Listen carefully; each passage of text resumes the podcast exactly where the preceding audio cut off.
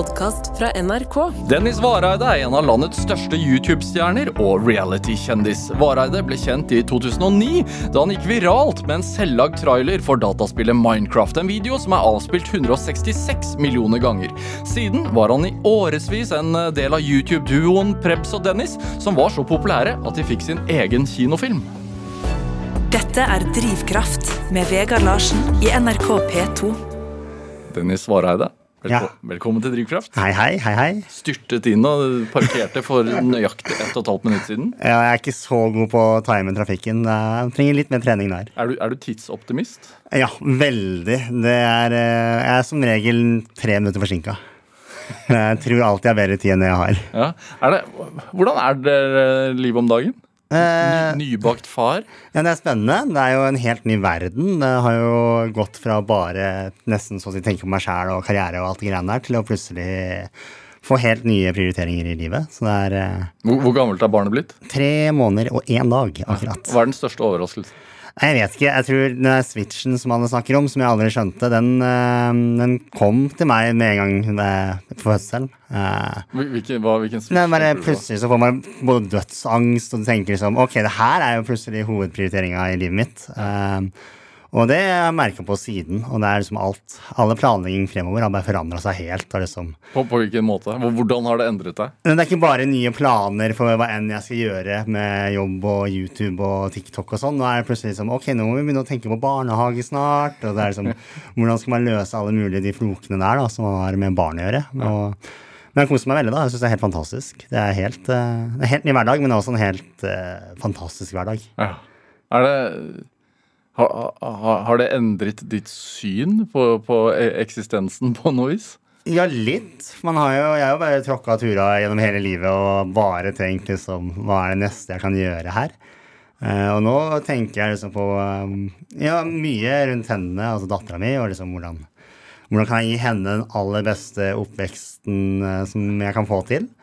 Jeg tenker mye på det, og så er det jo, kommer det til å dukke opp eh, noen eh, unike eh, problemstillinger etter hvert med meg da, og den jobben jeg har. Det er jo Hvordan da? Det er mye kids som ser på, selvfølgelig. Spesielt gamingdelen av det jeg gjør. Og jeg tror ikke det er så mange i barnehagen, men jeg har garantert mange der som har søsken som ser på, som kanskje går på skolen. Eh, og, det, og spesielt når jeg bor i sånn sted som Tønsberg, så er det mye eh, Blir mye stoppa. Eh, og at hun skal forstå, forstå greia rundt det der, det tror jeg blir rart for henne etter hvert i starten å forstå liksom hvorfor bare pappa ble stoppa, og ikke mamma, f.eks.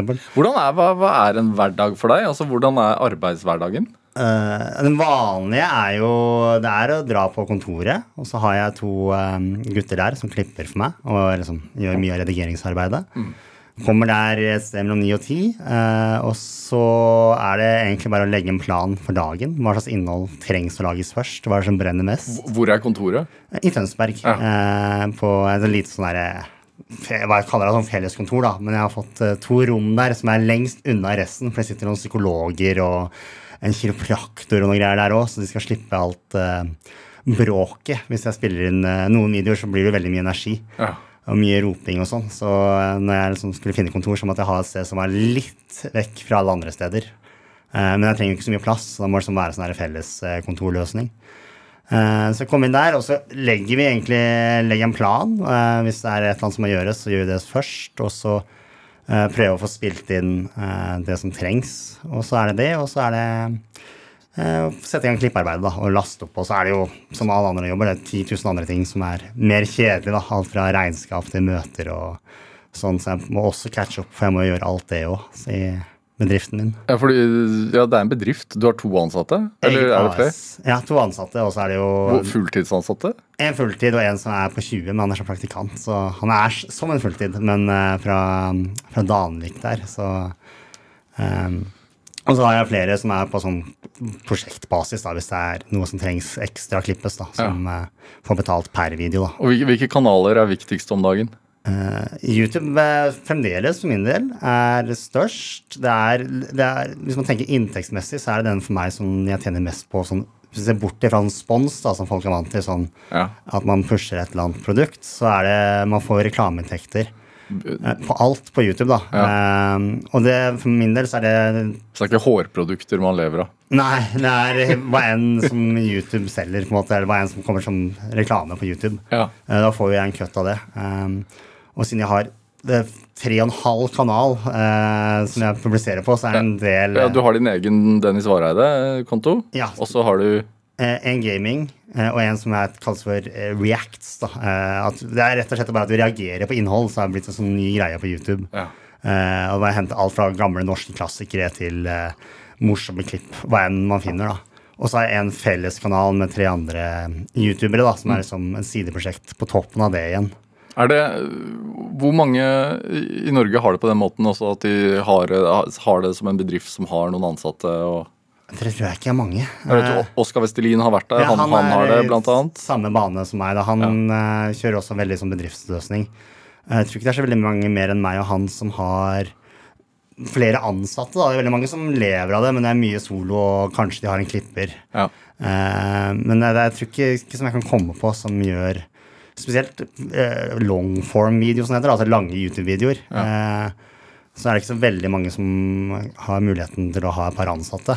Eh, det er det ikke, men det er jo en del som gjør det. da, Og så er det mange som er på TikTok og Snapchat. Det har blitt veldig stort. Hva snakker vi i sånn årsomsetning? Eh, mellom tre, kanskje. To-tre, jeg vet ikke. Ja. sånt. Det er, eh, varierer mye fra år til år og hva jeg gjør. Hvor, hvor, hvor er eh, Altså Mediemarkedet generelt har jo eh, hatt utfordringer i forhold til uh, uh, annonsører. Mm. Er det merkbart på YouTube, og så har det svingt også de siste, på lik linje de siste årene? Ja. Korona var en fascinerende problemstilling, fordi da hadde jeg masse sånne oppdrag som skulle komme. Alt ble jo stoppa så fort lockdown kom. Ja. Og jeg tenkte ok, det her ble en veldig tungt, et tungt år. Det her blir vanskelig. Men det som skjedde, var jo at alle satt jo hjemme. Eh, og så på internett. eh, så Så det var lukrativt på et vis? ja, så Visningstallene gikk jo rett i taket. Aldri, selv på toppen av Prepsendis, har ikke vært i nærheten av de tallene jeg hadde. Spesielt det første året på, um, i korona på YouTube. Eh, så da var det da, ok, det her går jo opp i opp som bare rakkeren. Uh, og etter hvert så kommer jo annonsørene tilbake skikkelig òg, da. Uh, og um, nå igjen så merker man det på markedet at eh, det er litt mindre sponsmuligheter, føler jeg, da, i hvert fall i høst. Mm. eh, det er nok det første stedet mange store bedrifter kutter i budsjettene. Og det er litt mindre respons, og så litt, får man litt mindre betalt, så da må man liksom bytte ut det med andre prosjekter. da. Eh, for min del da, så gjør jeg bare, da lager jeg egne produkter, eh, om det er brettspill eller bøker, istedenfor da, for å kompensere. Og da får jeg jo tid til det òg, som jeg syns er gøy, da, selvfølgelig. Er du kritisk i forhold til hvilke annonsører du tar inn? Ja. Eh, altså det er jo helt åpenbare grenser. eh, Det er liksom åpenbare ting. altså Gambling og plastisk kirurgi er jo så Det passer jo ikke meg i det hele tatt. Eh, jeg styrer Har du fått tilbud om det? Masse. Jeg får DMs fra Tyrkia annenhver dag. Det er eh, Jeg tar det nesten som en fornærmelse. Men de vil veldig gjerne fikse både tenna og hårlinja mi. Det vil de. Det er ikke, det er, det er ikke noe vits. Um, nei, også For min del så prøver jeg til en viss grad å unngå, spesielt på gamingdelen, av sukker. eh, for, I forhold til MFU, da, som passer på det. Eh, og Der har jeg vært, oppi, vært i Fremskrittspartiets spesielt. da, eh, Blitt tatt opp før, så jeg skjønner at jeg er litt i søkelyset der. Så for å slippe for mye pes der, så bare dropper jeg så godt det går. Men vi- altså, På gamingsiden, er det da eh, streaming med eh, kommentering som gjelder der, eller? Ja, bare ikke live, da. eh, Og videoform. Eh, Så jeg sitter jo og spiller et spill, og så lager jeg humor. For min del er jeg ikke spesielt god i spill, så jeg velger jo spill som jeg syns ser morsomme ut. da. Eh, Sånn sånn bussimulator, da, der du skal bare være en bussjåfør. Men du er ikke god i forhold til hvilket nivå? Ja, jeg, jeg, kan ikke være sånn, jeg er ikke langt ifra noen e-sport-type som liksom lever av å være god. Jeg lager, prøver å finne humor i spillet da, og gjerne spille spill på feil måte. da. Eh, Og gjøre morsomme vrier på hva enn spillet egentlig er basert på. da. Hvordan ser et årshjul ut i firmaet ditt? Eh, januar er en av de kaller for dårlige månedene, fordi da er rett etter jul, nye budsjetter. Uh, så ingen har starta helt uh, å selge annonser. Så man merker du både på liksom, spons og på YouTube og Snapchat og andre steder. Eh, så da er det litt, for min del, som planleggingsfase. Og så bygger det seg oppover, og så um, er det å sette i gang med enn prosjekter jeg har. Eh, prøve å gjøre noen store prosjekter på toppen av liksom, alt det andre innholdet. Hva vil det si? Jeg liker å prøve å lage Bare et stort prosjekt, liksom? en stor video. da. Eh, eksempel kan være la oss si at jeg har lyst til å eh, løpe en maraton da, og gjøre en sånn stor greie ut av det. da. Eh, da kan vi i hvert fall se fra et halvt år med trening da, og så liksom legge opp et løp. Kanskje få inn noen som kan hjelpe til å trene. Reise noen steder for å få til liksom litt kult innhold. Frem da til f.eks. maraton, et stort mål på slutten. da.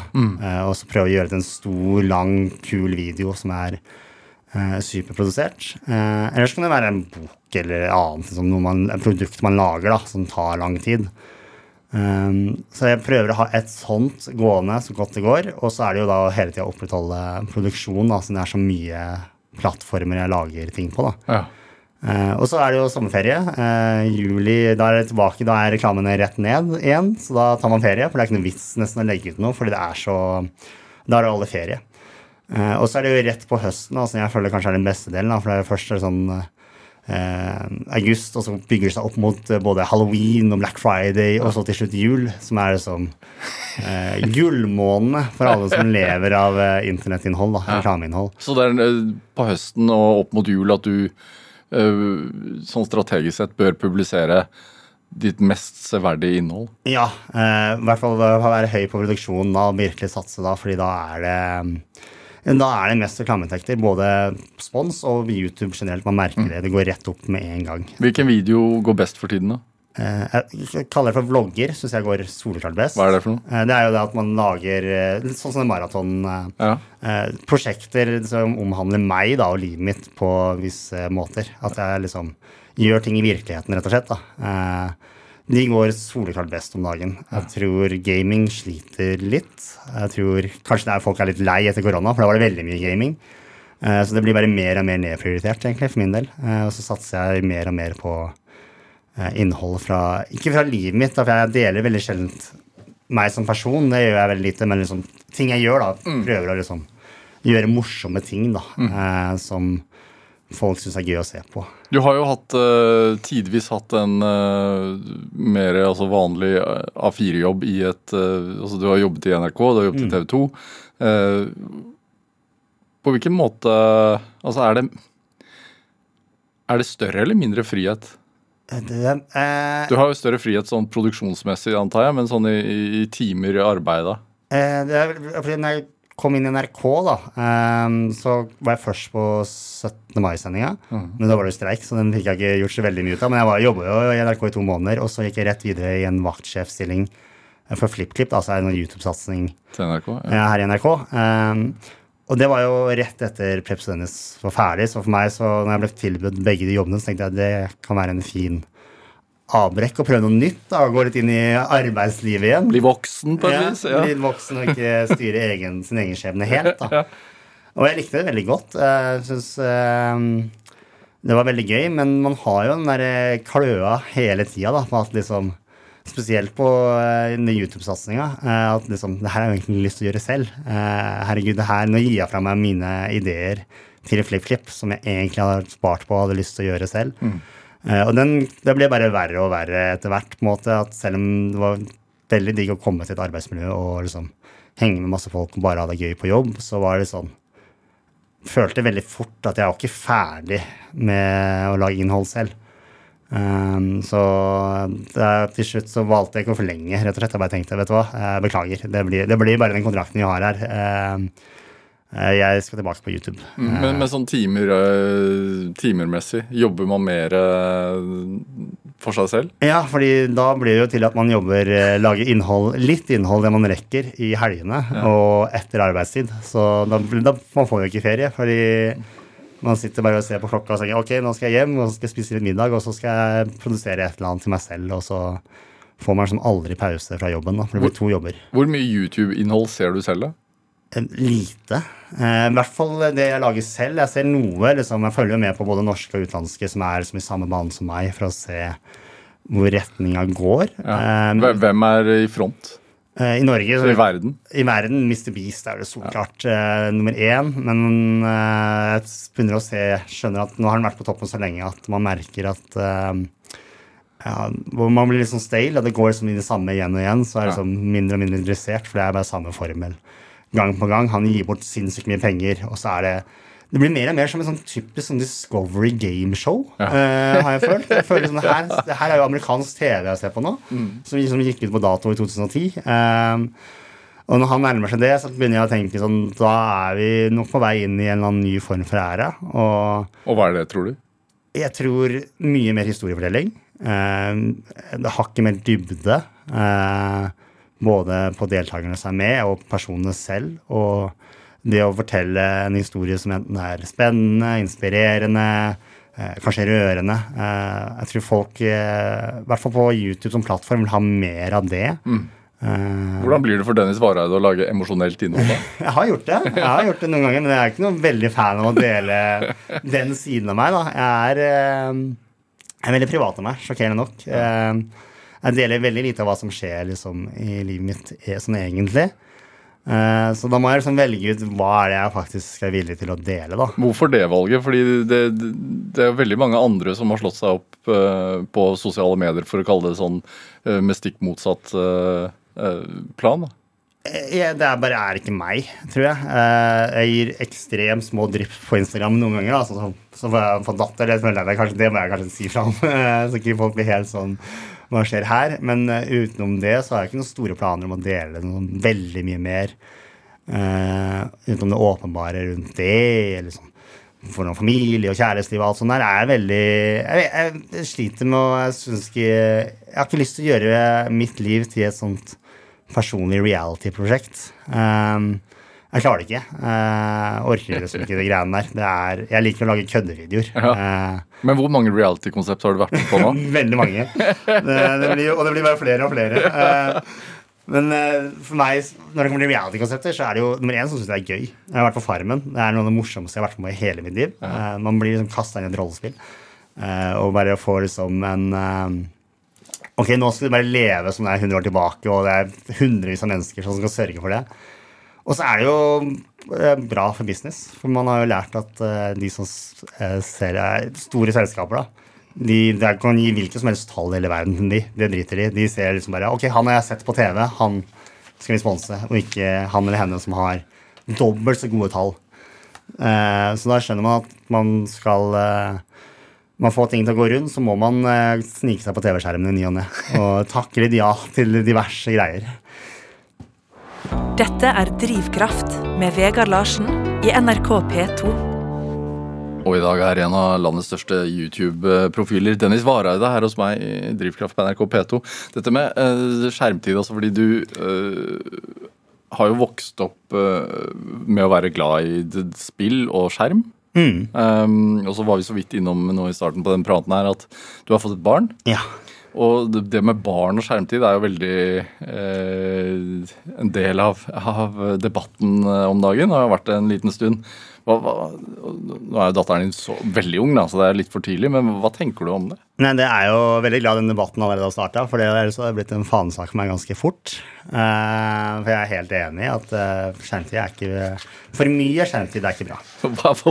Og det, det, er overraskende når det kommer for deg, tenker jeg. Jeg, kan ikke, jeg føler at det blir i hvert fall ringe i varselbjella når en som lever av mye skjerm, sier at uh, Spesielt for små barn, men barn generelt. Jeg er veldig glad for at jeg selv ikke er oppvokst i sosiale medietidene. Ja. spesielt på videregående og sånn. Det var så vidt vi rakk å få Facebook før vi ble voksne. Mm. Um, og jeg slapp unna det. Jeg er kjempeglad for det, for det må være helt forferdelig stressende. Og liksom Rykter og alt det greiene sprer seg ikke bare liksom, lokalt. det bare Plutselig så er det overalt. Og gjør man ett feilsteg som ungdom, som alle gjør, så er det plutselig på alles lepper over natta. Ja. Um, men også på skole, og jeg er veldig Selv om jeg var glad i både Nintendoen og Eh, TV når jeg var barn, så var jeg også like glad i å spille fotball og leke i skogen og mm. uh, løpe rundt ute. Uh, og jeg tror ikke for barnas del så syns jeg de skal fortsette å finne den gleden der, da. Mm. Og tørre å de må, de må ikke bli redd for å kjede seg. Jeg er veldig redd for det. Eh, fordi hvis du bare har det konstant blir stimulert av skjerm og de greier, så blir du jo helt kokt i huet. Har du møtt uh, opp gjennom uh, fordi Med Preps og Dennis for eksempel, så fikk dere veldig mange unge fans. Mm. Har du møtt uh, ungdommer eller unge, unge, mennesker som du tenker at du bruker for mye tid på skjermen? det, det, har skjedd opp gjennom åra. Kanskje ikke fans, men altså, man har jo uh, altså, man har, jeg har tenkt tanken noen ganger når man snakker med folk som er spesielt i ungdomsalderen, at eh, nå er det jo konstant mobilen her. Og så ser man jo liksom klipp eh, eh, på internett av liksom folk som sitter med VR-briller eller konstant går med AirPods eh, overalt. Og da tenker jeg at du bare, det her er jo en avhengighet du må bli kvitt. Du kan ikke gå rundt med AirPods hele tida. Eh, det er bare for å ha lyd. Da er det noe gærent for det, da. Klarer du å legge bort mobilene? Ja, jeg bruker eh, Det er eneste Jeg er ikke så glad i å scrolle. Jeg scroller litt på sånn Instagram reels. Selv om jeg vel bruker mye TikTok i jobb, så bruker jeg ikke TikTok i det hele tatt. Hæ. Eh, Jeg er veldig glad i å Jeg ser jo på Netflix som alle andre, da, eh, når liksom man slapper av. Men jeg er, klarer ikke. Men kanskje det er fordi det er veldig mye jobben fra før av. da. Eh, Så jeg prøver veldig godt å unngå skjerm så godt det går. Og det Selvfølgelig, vi lever jo i en skjermverden, så jeg skal ikke være no go-skjerm på min datter. Hun må jo få lov til det òg, men det må settes grenser. Eh, Det syns jeg er viktig. Mm, Hva, hva kan farene være, tenker du? Nei, det er jo som jeg nevner, jeg tror du blir bare konstant overstimulert. Klarer ikke å være rolig hvis du ikke har skjerm hele tida. Eh, og jeg skjønner jo at uh, noen ganger så trenger foreldre fred, uh, og det syns jeg er helt greit. på en måte. Det er, man skal få lov, Hvis du trenger litt ro rundt middagsbordet, så er, det ikke, er jeg ikke imot å putte en iPad i fanget på kiden. Det skjønner jeg, og kommer jeg sikkert til å gjøre sjæl òg. men bare liksom, ikke hele tida. Ikke bytte ut oppveksten med skjerm, og så kommer jeg rett på skolen, og så er det konstant skjerm overalt der òg. tving de litt til å være sosiale med hverandre. Hvor gammel må hun bli før hun kan gå på YouTube, da? Det er et godt spørsmål. Eh, for min del så tror jeg jeg må tenke Jeg må se litt rundt, da. Jeg bruker- Eh, ja. var som venner og Altså, jeg vil ikke være den som sier at nei, du får ikke lov, men alle vennene dine får lov. Eh, så da må man jo liksom det blir liksom, Jeg tror nok det blir en kollektiv avgjørelse også på hva som skjer rundt. Og så tror jeg det viktigste er at jeg følger med på hva hun ser på, eh, og setter meg inn i hva enn interesser skal være. Hadde du skjermtid? Nei eh, et, Jo, det var nok litt. Men vi var så, såpass tidlig i både gamingverden gamingverdenen og sånn at det var eh, Det var veldig sosialt. da Vi hadde jo veldig mye på Nintendo 64 og GameCube, og det er jo sånn Da deler man jo. Så da var jo, hvis venner var på besøk, så var det, sånn, det var en sosial greie, og så ble vi lei, og så gikk vi ut. Eh, så vi rakk aldri å få helt den derre Mobil og sånn for oss, det var jo før det var smarttelefoner. Så det var liksom spille SMS med SMS, MMS og ringetone. selv, selvlagde emojis? ja, ikke sant? Så det var liksom ikke så mye Vi hadde jo mobiler Jeg, fikk vel det i syvende klasse, men det var liksom det var ikke så mye hun brukte på men Vi runda Snake ganske kjapt, og da var det ikke noe mer gøy på den. egentlig. Er du, altså, du er bare 33, men er du glad for det? At, eh, Kjempeglad. at du har levd i en tid hvor det ikke var fra starten av? Mm. Jeg er ekstremt letta at jeg slapp akkurat unna den bølgen der. Jeg tror det hadde vært jeg tror jeg har vært et helt annet menneske i dag, tror jeg. Hvorfor det? Nei, fordi jeg tror det har blitt så enda mer eh, gravd inn i en verden der eh, og liksom bare løpt fra alt og bare gjemt meg i hva enn jeg har funnet. da. Eh, og det er jeg glad for at jeg ikke fikk så Jeg fikk jo muligheten å grave meg fort ned i ting etter hvert, men eh, da var jeg litt eldre, i hvert fall. Og jeg tror ikke det ødela for mye for meg. For jeg synes det, er, eh, det kan være skummelt å bruke skjerm og spill og sånn til å løpe fra virkeligheten. da. Har du hatt det behovet noen gang og brukt det som det? Ja, uten tvil. Eh, jeg mista min far eh, jeg tror jeg var 18 år gammel. Eh, og min mor hadde vært i en sånn ulykke samtidig, så var det sånn plutselig så bare falt hele verden sammen. Ja. og jeg var allerede litt dårlig på skolen, men da falt alt sammen, og da bare løpte jeg både fra skole og sosialt liv og satt og spilte et MMO. Og det er jo et MMO-type spill. Det er jo sånn giga-multiplayer-spill der det er designa for at du skal bli avhengig. Ja, som for eksempel World of Warcraft er det mest kjente. da. Ja. Eh, Jeg spilte en annen spill, men jeg gravde meg helt inn i det spillet der og levde eh, sikkert i ett og et halvt år. Eh, Hvilket spill spilte du? Age of Conan. Ja. Norsk-laget Det norsklagde, ja.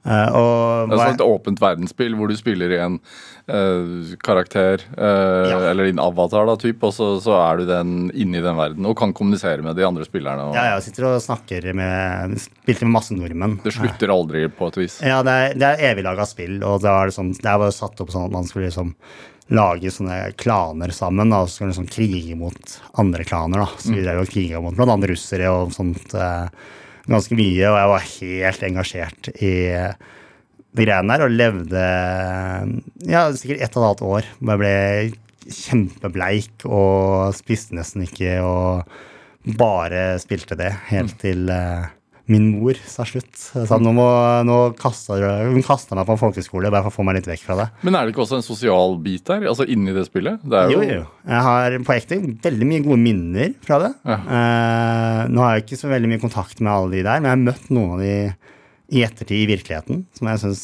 uh, var veldig fascinerende. Eh, og har mye minner som kommer til å være med meg for resten av livet, som er fra liksom, høydepunkter som mm. man fikk til sammen da, med masse tilfeldige folk, for det meste gutter, da, som rundt om i som satt og gama med meg eh, landet rundt.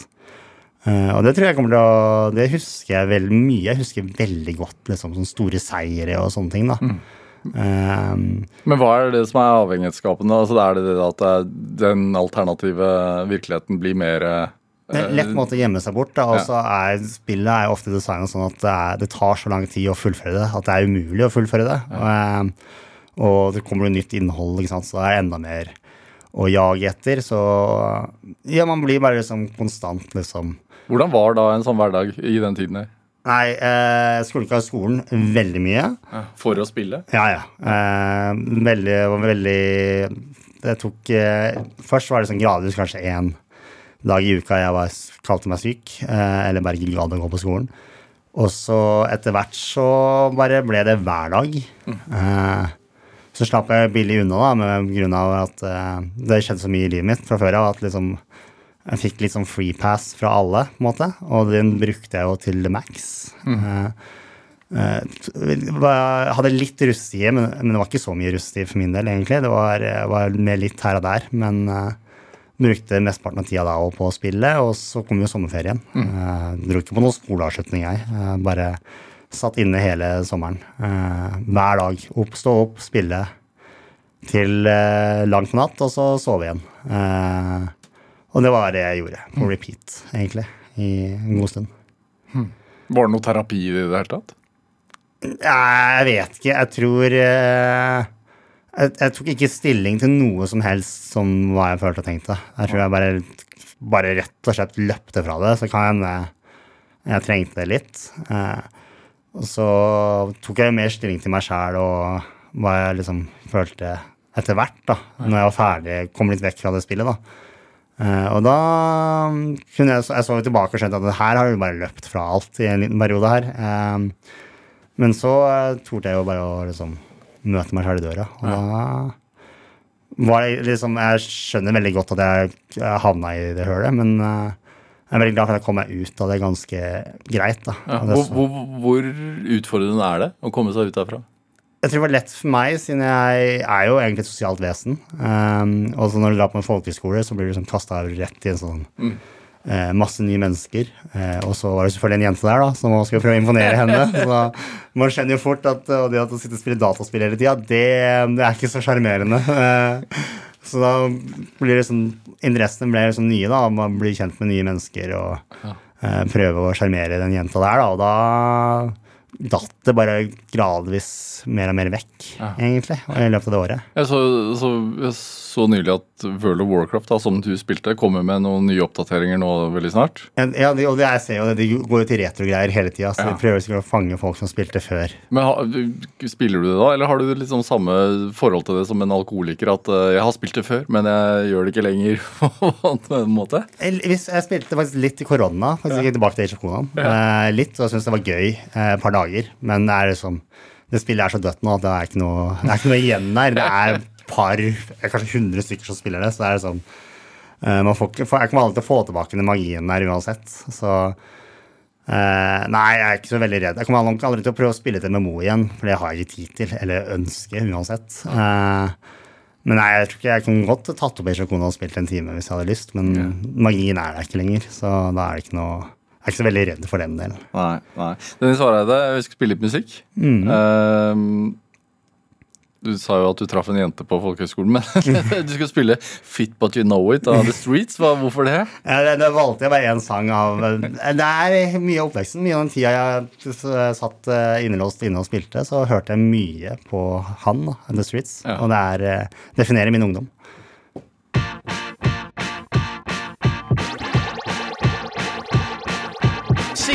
Reckon you're about an eight or a nine. Maybe even nine and a half in four beers' time. That blue top sharp top you've got on is nice. Bit too much fake tan, no, but yeah, you score high. But there's just one little thing that's really, really, really, really annoying me about you, you see. Yeah, yeah, like I said, you are really fit. But my gosh, don't you just know it? I'm not trying to pull you, even though I would like to. I think you are really fit. You're fit, but my gosh, don't you know it? So when I looked at you standing there with your hoard, I was waiting in the queue looking at the board. Wondering whether to have a burger or chips or what the shrapnel in my back pocket could afford.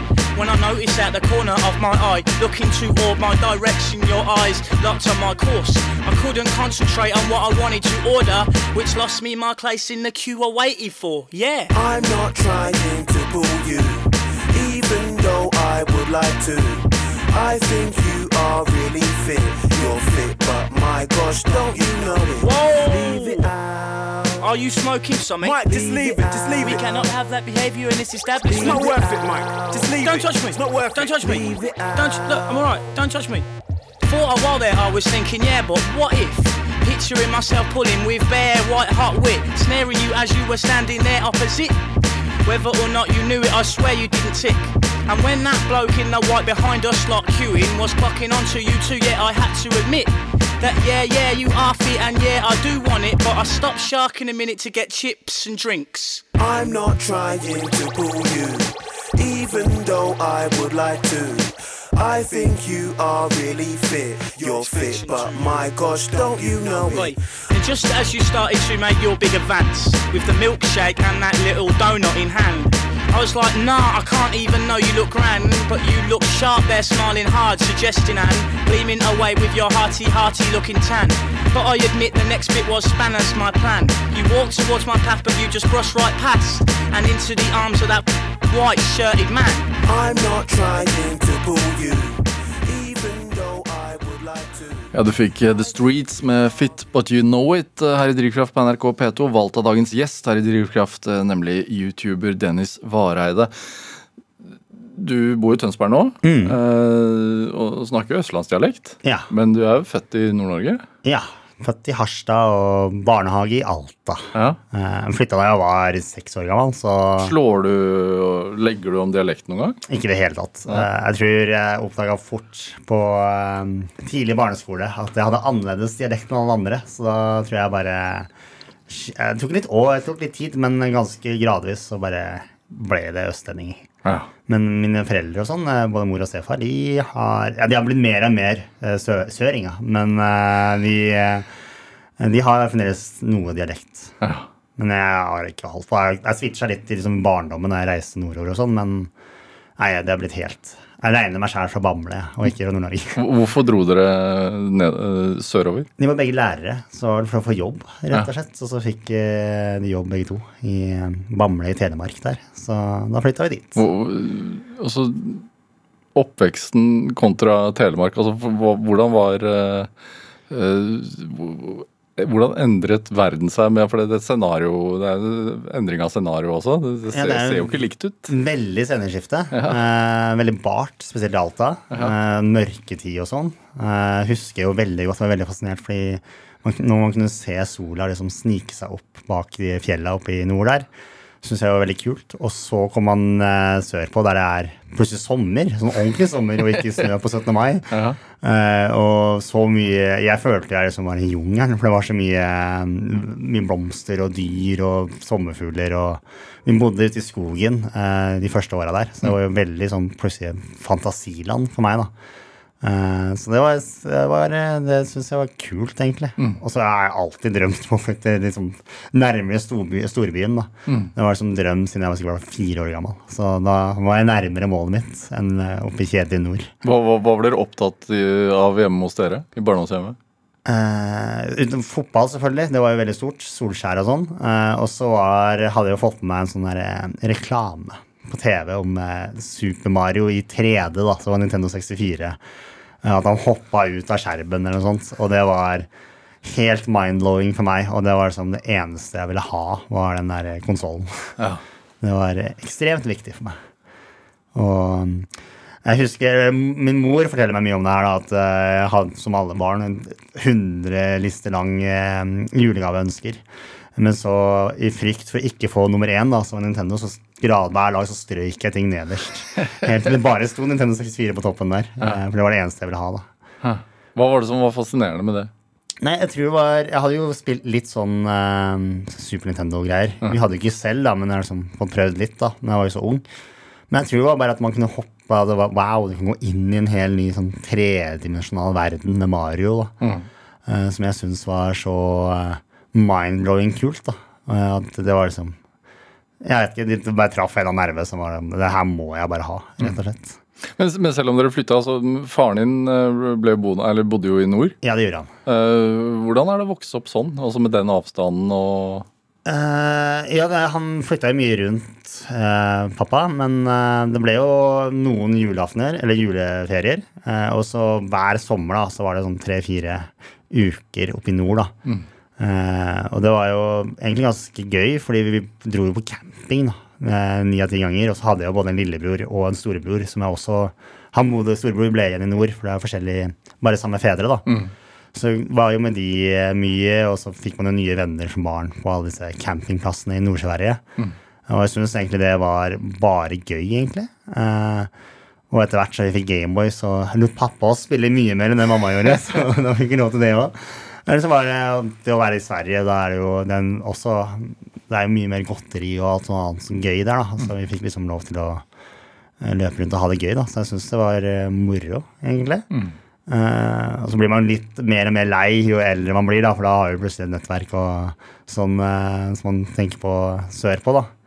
Uh, så da var det ikke like kult, men man må, hadde jo lyst til å se faren sin, selvfølgelig. Så det var jo, men å være der en måned ble jeg fort litt sånn ah, Skal jeg være her en hel måned i et eller annet ingenmannsland oppe i nord? Det var litt, litt kjipere, men man satte jo selvfølgelig pris på det for det. Hvem var du, da? Som, som ung? Eh, veldig bråkete og rampete. Eh, Hvorfor det, tror du? Jeg vet ikke, det ligger bare i meg, da. Jeg reflekterer mye av det jeg gjør på YouTube nå, fremdeles. Um, eh, mye energi. Eh, vanskelig å holde stille og ja, høylytt og superengasjert. Og kanskje veldig kreativ. Mye prosjekter eh, fra ung alder. da. Fra tegning til eh, Jeg lagde veldig mye brettspill som barn. eh, Altså tidlig. sånn fysiske brettspill? Ja, eller varianter av Monopol til liksom Pokémon-kort gjort om til brettspill.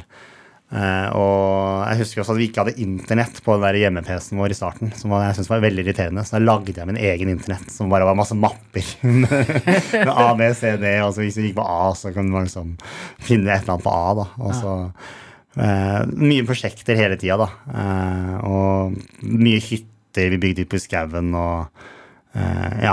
Alt, alt, jeg skal alltid gjøre et eller annet, da. Det var viktig. og- Skoleflink? Nei, ikke så veldig. Eh, selvfølgelig mest glad i gym, som alle gutter. Og utenom det så var det sånn skole var bare skole. Eh, jeg tror ikke det var så viktig for meg. Det var veldig rart siden jeg hadde lærerforeldre, men det var liksom aldri noe Det var bare noe jeg, jeg var der på skolen for friminuttene. Og så lekser eh, gjort unna en fei. Eh, men skole var, jeg tenkte, var aldri noen prioritet for meg i det hele tatt, egentlig. Eh, var helt ok midt på treet gjennom hele veien, egentlig. Når øh, var første gang du var øh, inne og så på en YouTube-video? At det må være veldig tidlig YouTube. Eh, sikkert i løpet av det første året, men da var det jo bare sånn kattevideoer eh, og sånn. Eh, men jeg tror for meg så var Jeg laga jo litt spillvideoer før eh, YouTube. ja. spesielt med Age of Conan og sånn. Eh, da var det sånn skrytevideoer. Da skulle jeg liksom vise hvor flink jeg var, og så la på noe liksom kul musikk, og så kunne man liksom se at jeg slo noen andre i spillet, da, liksom i en duell. da. Hvor publiserte du de, da? Det var sånne egne ageofconanvideos.com-type eh, nettsider. Da. Så det var sånne egne nettsider der du kunne laste opp til spesifikke spill. da. Eh, Så jeg lasta opp der, da, og det var der jeg lærte å klippe og redigere først. Helt selvlært. Eh, Det, det, var så, det var noen nettsider man kunne finne som liksom kunne lære deg litt, men mesteparten var bare å prøve og feile selv i disse klippeprogrammene. Um, men eh, da jeg kom tilbake fra folkehøgskolen og egentlig la Age of Conan helt på hylla, så oppdaga jeg jo eh, litt sånn tilfeldig Minecraft. eh, som i dag er et spill alle vet hva er. da. Eh, Altså svenske spillet som har blitt et av altså, Det er vel det største spillet i verden? Hvor, hvor man bygger altså Det er altså et åpent verdensspill hvor man bygger Altså Det er som Lego i, på internett, på et Ja. vis. Eh, ja, og det, hele denne åpenverdenen der er helt annerledes. eh, der det er å kalle det autogenerert. Da, så du kan bare gå i en strek i 1000 år, og likevel så fortsetter verden å lage seg en, eh, mer. da. Ja. Eh, og jeg syns det spillet Minecraft var helt mind-blowing gøy. Eh, det var veldig nisje. Jeg fant det var veldig få som hadde spilt det. Så jeg sendte jo det spillet rundt til alle jeg kjente med en gang. Og så laga vi vår egen verden og egentlig bare kødda rundt i Minecraft. Um, og så da tok jeg friår og jobba på Rema 1000 og satt i kassa der, som var gørr kjedelig. Men uh, da fikk man tid til å tenke, da. Og da slo tanken meg at det hadde vært gøy å bare lage en sånn trailer til Minecraft. Sånn Jeg føler det å skanne varer og, og stable grønnsaker er litt som Minecraft, ja. Nei, nei, ikke i det hele tatt. Jeg syns det var ekstremt ensformig. Og jeg gjorde det bare for å ha, ha litt cash. Eh, Jeg skjønte fort at jeg skulle ikke jobbe i noen butikk fremover. Det var ikke for meg. Um, Så jeg, jeg satt bare og eh, tenkte det, og så la jeg på Kom jeg hjem sikkert en kveld der, og så filma jeg bare Jeg hadde jo erfaring med å lage videoer på, eh, fra spill, så det var ikke så vanskelig for meg å gjøre det i Minecraft òg. Så filma jeg bare sånn en verden jeg hadde laga sammen med masse venner. da alle bygga og alt de greiene vi hadde holdt på med. Um, og så bare klippa jeg sammen med sånn superepisk eh, musikk. Sånn overdrevent episk. Eh, og så lasta jeg det bare opp da på YouTube. Eh, jeg tror ikke det var første videoen, en av de aller første videoene. For da var det sånn det var ikke noen egen Minecraft-nettside før videoer. Da var det egentlig bare YouTube eh, han hadde blitt etablert. da. Og så ja, gikk og la meg, og så sto jeg opp dagen etterpå, og så hadde den 100 000 visninger. Det var helt sykt. Det var, ja. rekorden din var sikkert 500 visninger på alle andre videoer. Så var det sånn Ja, det var helt Da var jeg helt sånn Hva er det som skjer? Og da husker jeg faktisk Preben som ringte meg. Han ble også veldig engasjert i den videoen da han så det. Og så sa Preben at eh, ikke glem Eller tenk på at hvert eneste minutt eller sekund eller sånt, så ser en ny person et eller annet sted i verden videoen din. Og hvor sykt er ikke det? Ja, det, er, det er helt mind-blowing. Ja, og det var jo i en annen tid på et vis. Så det tallet er jo, var, var helt, altså det er jo enormt i dag også, men den gang så var det jo helt sånn Ja, det var helt Det var ingen i Norge som gjorde det. Nei, det var liksom har bare vært han Lasse Gjertsen som hadde vært før meg, på en måte. Eh, som hadde så store tall, da. Ja.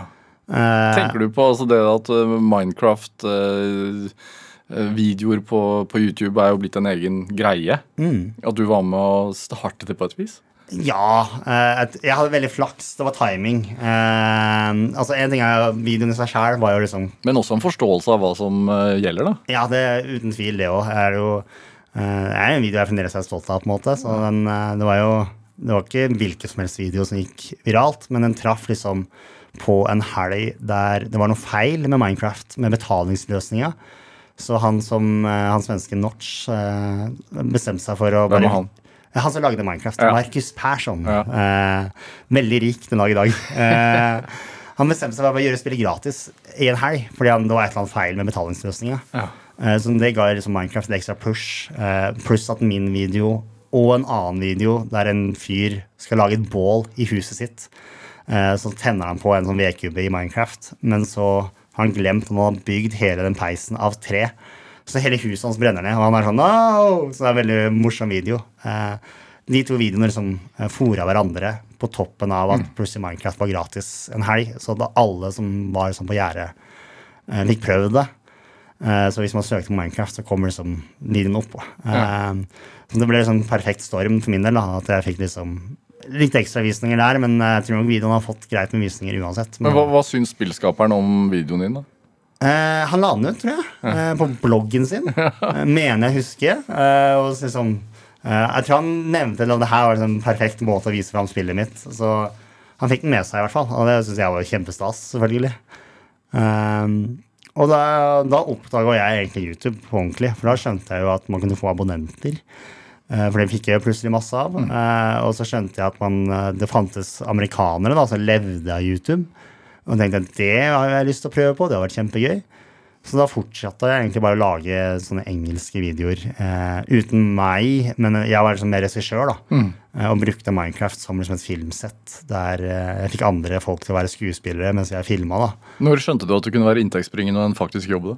Eh, det var tok ikke, tok ikke lang tid etterpå. Uh, først at jeg skjønte Det var veldig vanskelig å få det til, for det var ganske strenge systemer YouTube hadde da på å faktisk få reklame. Og så det med liksom rettigheter til musikk og sånn, det hadde jeg aldri tenkt på før. Men det innså jeg fort at det må du også ha nå plutselig. Um, men da jeg skjønte det, at jeg måtte bruke liksom, musikk jeg hadde rettigheter til, og sånn, så begynte jeg gradvis å tjene penger på eh, Minecraft. Og så ble jo du og, og- Preben, da, som du nevnte, eh, et team etter hvert. Eh, som jo eh, opplevde en suksess uten sidestykke eh, i, i norsk mediehistorie på et vis. Altså moderne mediehistorie. Fordi dere ble jo ja, de største youtuberne i landet. Eh, var det også en strategi bak det? Ja, jeg kom jo eh, Jeg hadde jo to år med erfaring, og da over ett og et halvt år da jeg hadde levd av YouTube. Eh, så jeg hadde jo mye eh, kunnskap rundt det å lage både spillvideoer og hva som jeg følte funka på YouTube. Og så oppdaga jeg etter hvert det nye på YouTube, så var det at folk satt og bare snakka mens de spilte. Og jeg var sånn Herregud, eh, så teit. eh, var det første jeg tenkte. Hva er det her for noe ræl? Men så begynte jeg å se på det. Etter hvert så ble jeg hekta på mange av de amerikanske kanalene. Uh, og så tenkte jeg det her Så innser jeg jo at uh, du trenger jo ikke å lage så ekstremt Jeg putta så mye tid i disse videoene. To minutter. Brukte en måned på å lage liksom en Batman-parodi. ikke sant? Men så ser jeg bare en random YouTuber bare filmer at han lager OL-logoen og får dobbelt så mye visninger som meg. Og da skjønner jeg jo Han gjør det jo fordi de følger han som person, og ikke innholdet han lager på- i samme grad. da. Mens jeg kun har innholdet jeg lager, så jeg må alltid liksom overgå meg sjæl. Så jeg skjønte jo at jeg må jo begynne å bygge meg selv opp som en um, karakter, da, en person. Så prøvde jeg litt sånn uten å legge ut på engelsk. Det syns jeg var dritvanskelig. Vanskelig å få fram personligheten min. Jeg hadde jo troa på meg at jeg kunne være underholdende. Og så tenkte jeg vet du hva, vi gjør det bare på norsk, da. Um, så blir det litt sånn side hustle-type greie. Og så spilte jeg jo litt med Preben, uh, og syntes han også var en morsom uh, type. Eh, og vi funka bra sammen. og sånn, Så tenkte jeg at da vi lager sammen, da, for da har vi liksom Det er lettere å spille av hverandre enn å sitte og snakke til seg sjæl i ti minutter. Eh, Så da laga vi Prebz og Dennis, da. eh, Og begynte å laste opp eh, først og fremst Minecraft, men generelt spillvideoer. Og så bare tok det helt av eh, på nasjonalt plan. da. Eh, det var ikke de samme visningene som jeg hadde på engelsk. Det var ikke i nærheten engang. Det var mye mindre. Men vi merka det på en helt annen måte, da, for plutselig så ble vi jo stoppa på gata. Ja, Hva var liksom peak oppmerksomhet? Eh, jeg tror uh, Det var sikkert rundt kinofilmen. Var, uh, da var det veldig mye Prebz og Dennis The Movie? The Movie, ja. Men de første to åra der så følte jeg at hvert eneste avis og mediehus i landet skulle lage enten artikkel eller dokumentar. Vi hadde tre dokumentarer om oss samtidig. Mm. Som alle handla om det samme, som var å leve av YouTube. Så det var veldig sånn I dag så er det NRK, og i morgen så er det Aftenposten som skal komme og intervjue oss om de samme spørsmåla. Hvorfor ble dere så store? Eh, blanding av erfaring for min del. Eh, så også at vi var de eneste som var en duo. Alle andre snakka for seg sjæl. Eh, og og litt sånn vanlige gutter, liksom? Eller sånn menn, da? Ja, det ble liksom guttastemningopplegg. guttastemning-opplegg. Eh, der de, de vanlige, det som var vanlig på YouTube da, var at folk eh, istedenfor å snakke og spille samtidig, så tok de opp noe et eller annet i et spill. Og så satt de og snakka i ti minutter om whatever. Om dagen sin, eller For det meste så snakka de faktisk om YouTube-kanalen sin, som er gørr kjedelig å høre på, egentlig. Mens meg og Preben bare liksom var to kompiser som spilte sammen og hadde det gøy. Mm. Og jazza og bare laga dustete vitser eh, til hverandre. Eh, som var som en helt annen eh, Mye mer underholdende å se på. Eh, og så at vi hadde Bare utstyret vårt var milevis bedre enn de fleste andre. Fordi vi både hadde budsjett til det og eh, skjønte at du skal helst ha litt eh, kvalitet her. Dere, dere traff hverandre på folkehøyskole. Hvor vesentlig har folkehøyskole vært for deg? Det er jo ganske definerende, egentlig. Eh, bla- for seg, blant annet å møte Preben, selvfølgelig. Det tror jeg er selvfølgelig en viktig greie. Eh, jeg tror jeg trengte det personlig for å komme meg ut av den MMO eh, eh, gaming-skallet jeg har gjemt meg i. Eh, og så brukte jeg mye Jeg gikk jo på sånn grafisk design-type linje. Eh, men det er jo folkeskole, så det var ganske basic greier. Så jeg kom inn der og kunne alt fra før av. Så da fikk jeg lov til å bruke et helt år på å lage videoer. Hvorfor er det en god plass for uh, unge mennesker? Man, jeg tror det fins det å bare liksom få et pauseår, hvis man trenger det. En veldig sosialt år. Eh, man slipper Det er ikke så karakterpress, det er jo egentlig ikke skole. Det er jo en leirskole man er på. Eh, og så fikk jeg, for min del så fikk jeg muligheten til å bare gjøre det jeg hadde lyst til.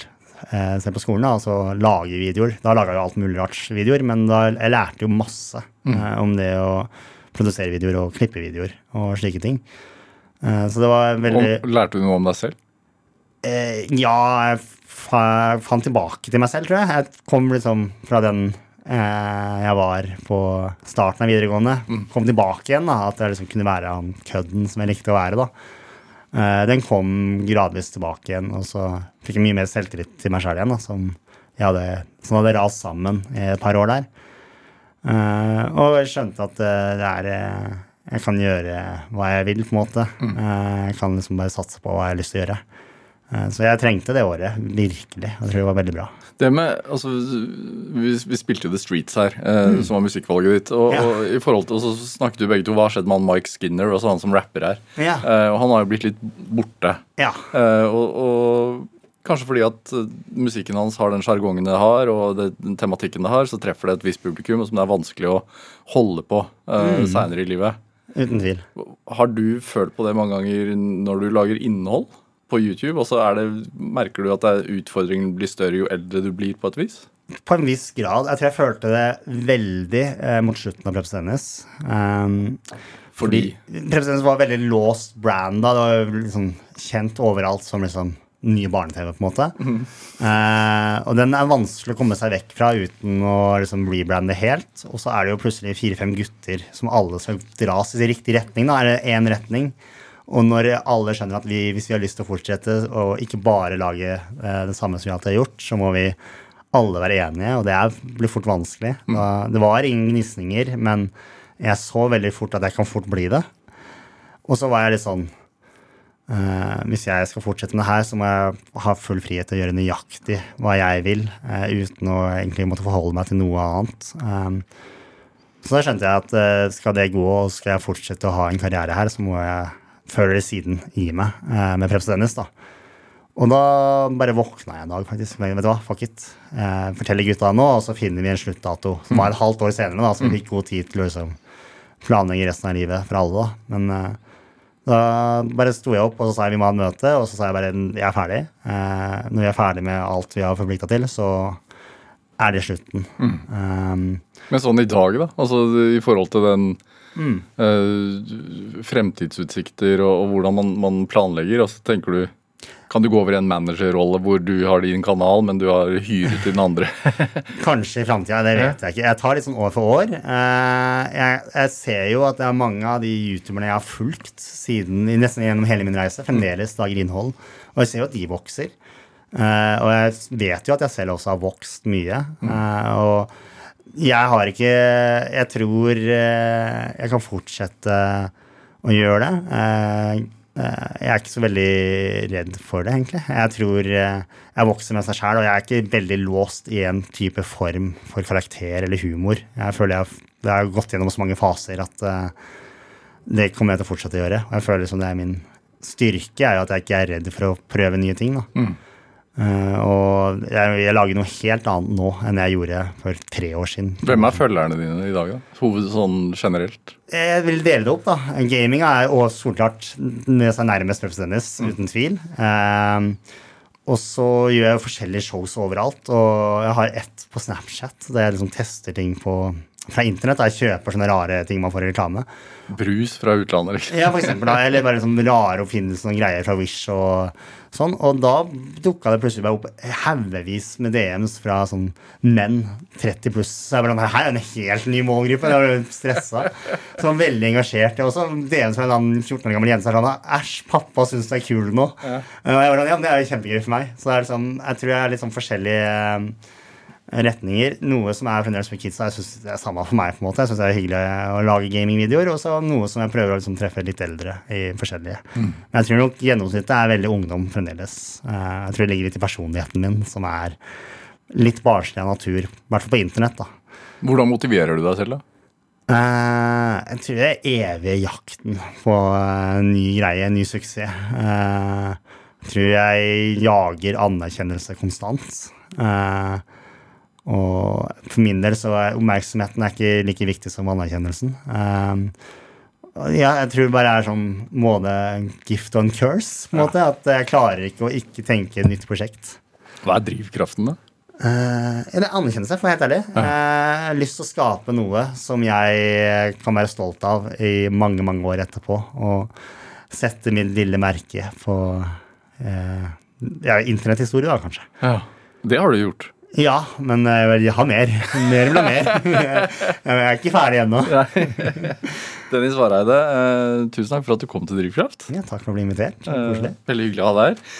Eh, hør flere samtaler i Drivkraft på nrk.no eller i appen eh, NRK Radio. Send oss ris eller ros, og også tips til mennesker som du mener har drivkraft. Send en e-posten til drivkraft.krøllalfa.nrk.no. Vi hører veldig gjerne fra deg. Produsent i dag det var Ådne Feiring, mens eh, Melody Holst Alebi gjorde research til denne sendingen. Dette var Drivkraft. Jeg heter Vega Larsen. Vi høres. Du har hørt en podkast fra NRK. Hør alle episodene kun i appen NRK Radio.